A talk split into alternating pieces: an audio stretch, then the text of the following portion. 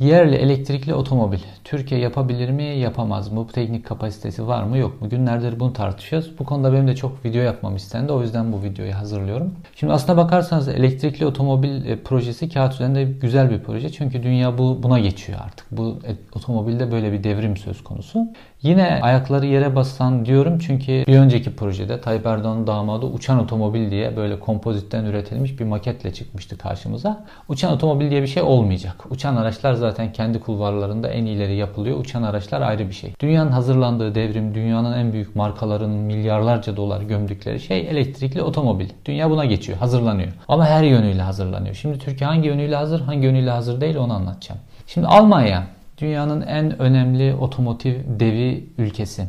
Almanya böyle jet hızıyla bir anda elektrikli otomobile geçmedi. Elektrikli otomobiller üretti mi Almanya? Evet üretiyor. Mesela Mercedes Müzesi'ne gidin şu Stuttgart'taki.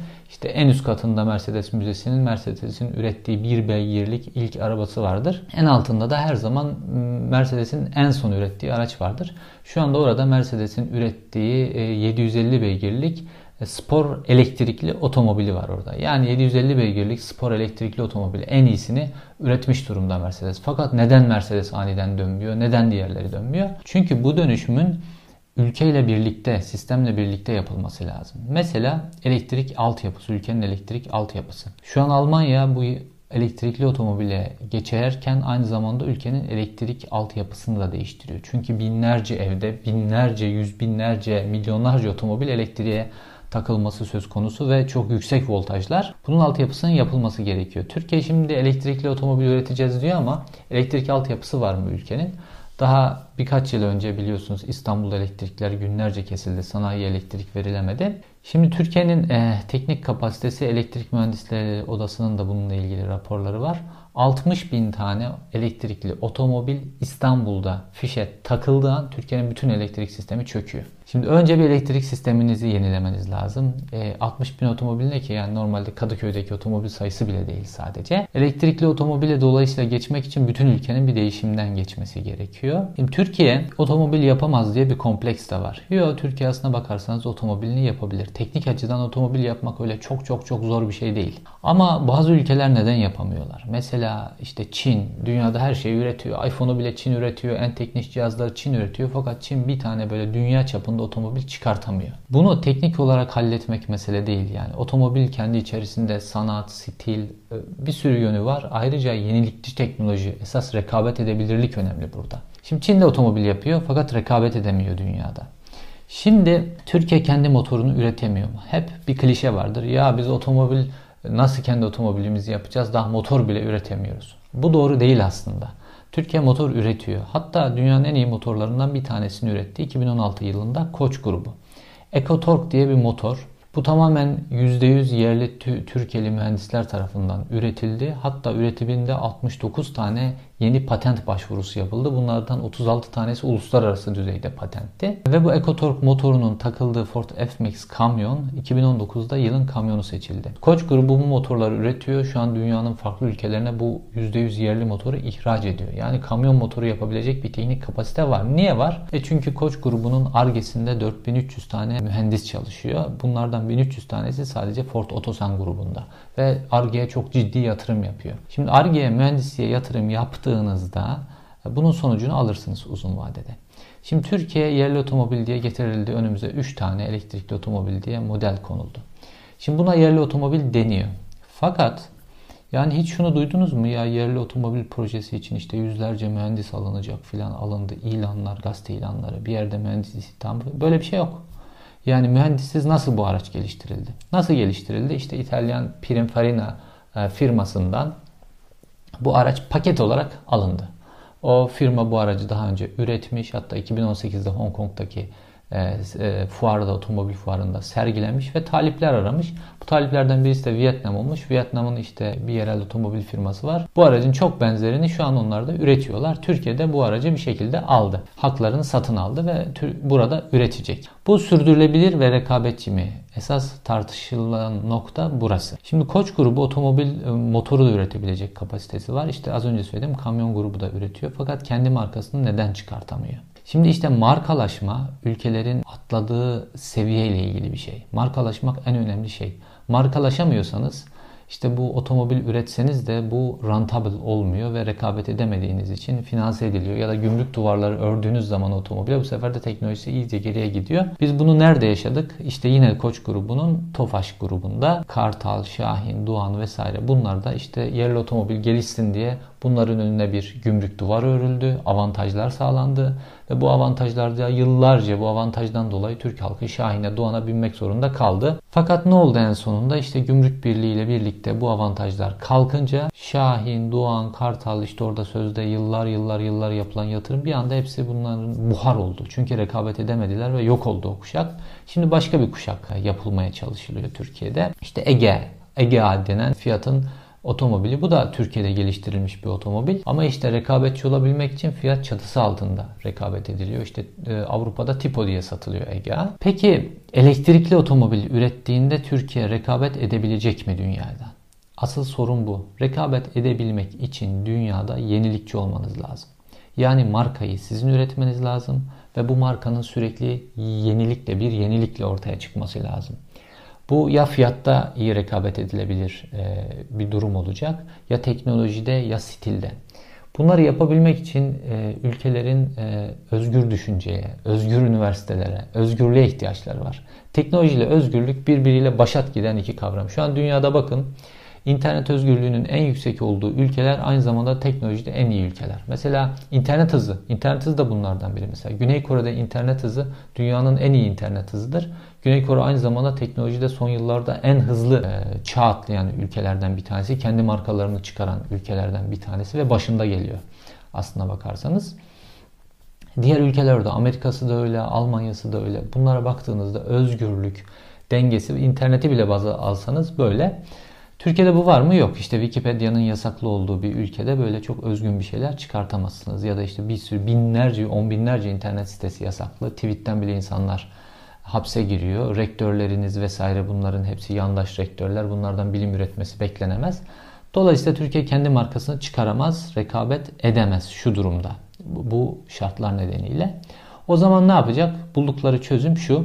Biz bu yerli otomobile belli avantajlar tanıyacağız. Ne yapacağız? İşte yatırım arazisi vereceğiz, alım garantisi vereceğiz, vergi avantajı sağlayacağız vesaire. Daha önce Koç grubunun Doğan'ın da Şahin'in de yapılan hatayı Türkiye tekrar ediyor. Ne olacak? Türkiye yine yıllarını kaybedecek ve bu sefer çağın yeni otomobilinde yani elektrikli otomobilde bu yılları kaybedecek. Eğer bir markanız rekabet edilebilir bir markanız, kendi ülkenizin içinde de tutan, dünyada da tutan bir markanız olmasını istiyorsanız önce rekabette dünyayla önünü açmanız lazım. Yani dünya markalarıyla rekabet edebilir bir şey olması lazım. Bunun içinde ne olması lazım? mühendislerini işte vesaire az önce saydığım ülkedeki genel özgürlükler vesaire. Şimdi yerli otomobilin CEO'su Almanya'dan ithal edildi biliyorsunuz. Aynı bu otomobillerin İtalya'dan ithal edilmesi gibi yerli otomobil diye. Yerli otomobilin CEO'su e, yani dünya standartlarında bir söylem beklersiniz en azından kendisine. Fakat Türkiye'de o da işte hükümetin hoşuna gidecek, kamuoyunun hoşuna gidecek. Böyle adeta siyasetçi gibi davranıyor yerli otomobilin başında. Ve şöyle bir söylemi var mesela. Gerçeğe tamamen aykırı söylemler. Siyasetçi söylemleri bunlar. Diyor ki biz bu yerli otomobili üretmeden önce geniş bir piyasa araştırması yaptık. İşte bu otomobili satın alacak Türk halkı ne bekliyor? Önce onu araştırdık ve buna göre bu otomobili dizayn ettik, ürettik vesaire mühendislik kattık vesaire diyor. Ya şimdi bu otomobili e, o İtalyan e, dizayn evi tamamen yapmış, fuarda sergilemiş 2019'da. Siz gitmişsiniz ondan satın alıp getirmişsiniz. Ne piyasa araştırması ne bir şey ve hangi mühendisle bu mühendislik katkısını sağladınız? Böyle böyle geniş binlerce mühendisin çalıştığı böyle bir projede böyle bir şey yok. Şimdi anlaşılan proje şunun üzerine oturtulmuş. Biz devlet gücüyle bir tane fabrika yaparız orada. Bu fabrikada işte böyle e, dünyadaki bu e, dizayn evlerinden vesaire dizaynı alırız.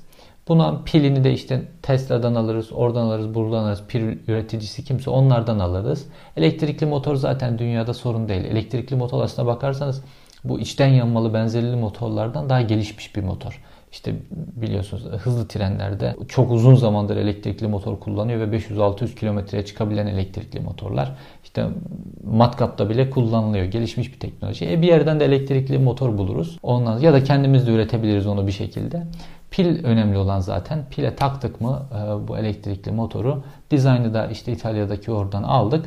Böylece bir otomobil yaparız. Peki bu otomobil dünyada rekabet edebilir mi? Hayır. Otomobilin teknolojisine kendiniz bir şeyler katmıyorsanız, patenti kendiniz üretmiyorsanız bunların hepsine para ödüyorsunuz. Patent paraları ödüyorsunuz pek çok. İşte tasarıma para ödüyorsunuz. Her üretilen otomobil başına. Ondan sonra pile para ödüyorsunuz ve para ödüyorsunuz ödüyorsunuz ve ortaya çıkan fiyat dünyada rekabet edilebilir bir fiyat olmuyor.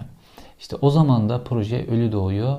Önünüzde kalan tek tercih Şahin'e, Doğan'a yaptığınız gibi avantaj sağlamak. O da işte Türk halkının Türkiye'nin teknolojisine aslına bakarsanız geri kalmasına, devlet eliyle geri kalmasına neden olacak bir şey oluyor. Şimdi eğer Türkiye yerli otomobilini, elektrikli yerli otomobilini üretip şu an elektrik devrimine geçmek istiyorsa yapması gereken belli başlı şeyler var ve bunu aslına bakarsanız iktidar yetkilileri de biliyorlar. Fakat bunu yapacak ne uzun soluklu projeleri var ne de nefesleri var. Bir, Türkiye'nin elektrik altyapısını yenilemeniz lazım. Milyarlarca dolarlık yatırım demek bu. Türkiye'nin elektrik altyapısı çok kötü. Elektrik kesintisi dediğiniz şey Edirne'den çıktığınız andan itibaren yok. Bakın ben Yunanistan'da bir buçuk yıl yaşadım. Yunanistan'da elektrik kesintisi diye bir şey yok. Almanya'da filan zaten yok böyle bir şey. Türkiye hala elektrik kesintilerinin yaşandığı bir ülke. Yani bazen gün boyu elektrik gidiyor İstanbul'da bazı semtlerde.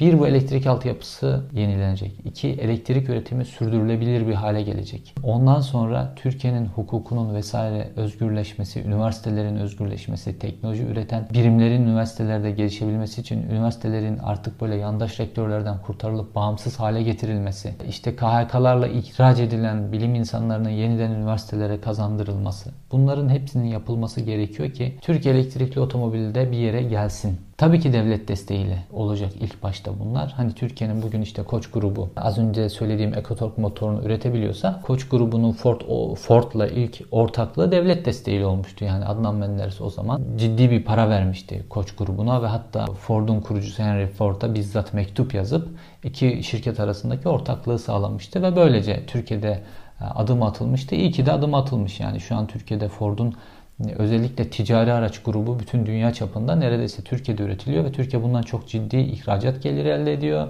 E, istihdam elde ediyor, mühendisler orada çalışıyor, Türkiye'nin mühendisliğine bir katkısı var vesaire. Ve bu adımlar sayesinde Türkiye aslına bakarsanız otomotivde iyi bir noktaya geldi. İşte Toyota'nın fabrikası var, Hyundai'nin fabrikası var, MAN'ın otobüs kamyon fabrikası var, Mercedes'in otobüs kamyon fabrikası var, Fiat'ın fabrikası var. Renault'un fabrikası var. Yani bayağı iyi otomobilde ve yedek parçalarda da iyi. Atıyorum BMW'nin direksiyonları Bursa'da üretiliyor gibi gibi böyle yedek parçaları da aslında Türkiye otomotiv de iyi.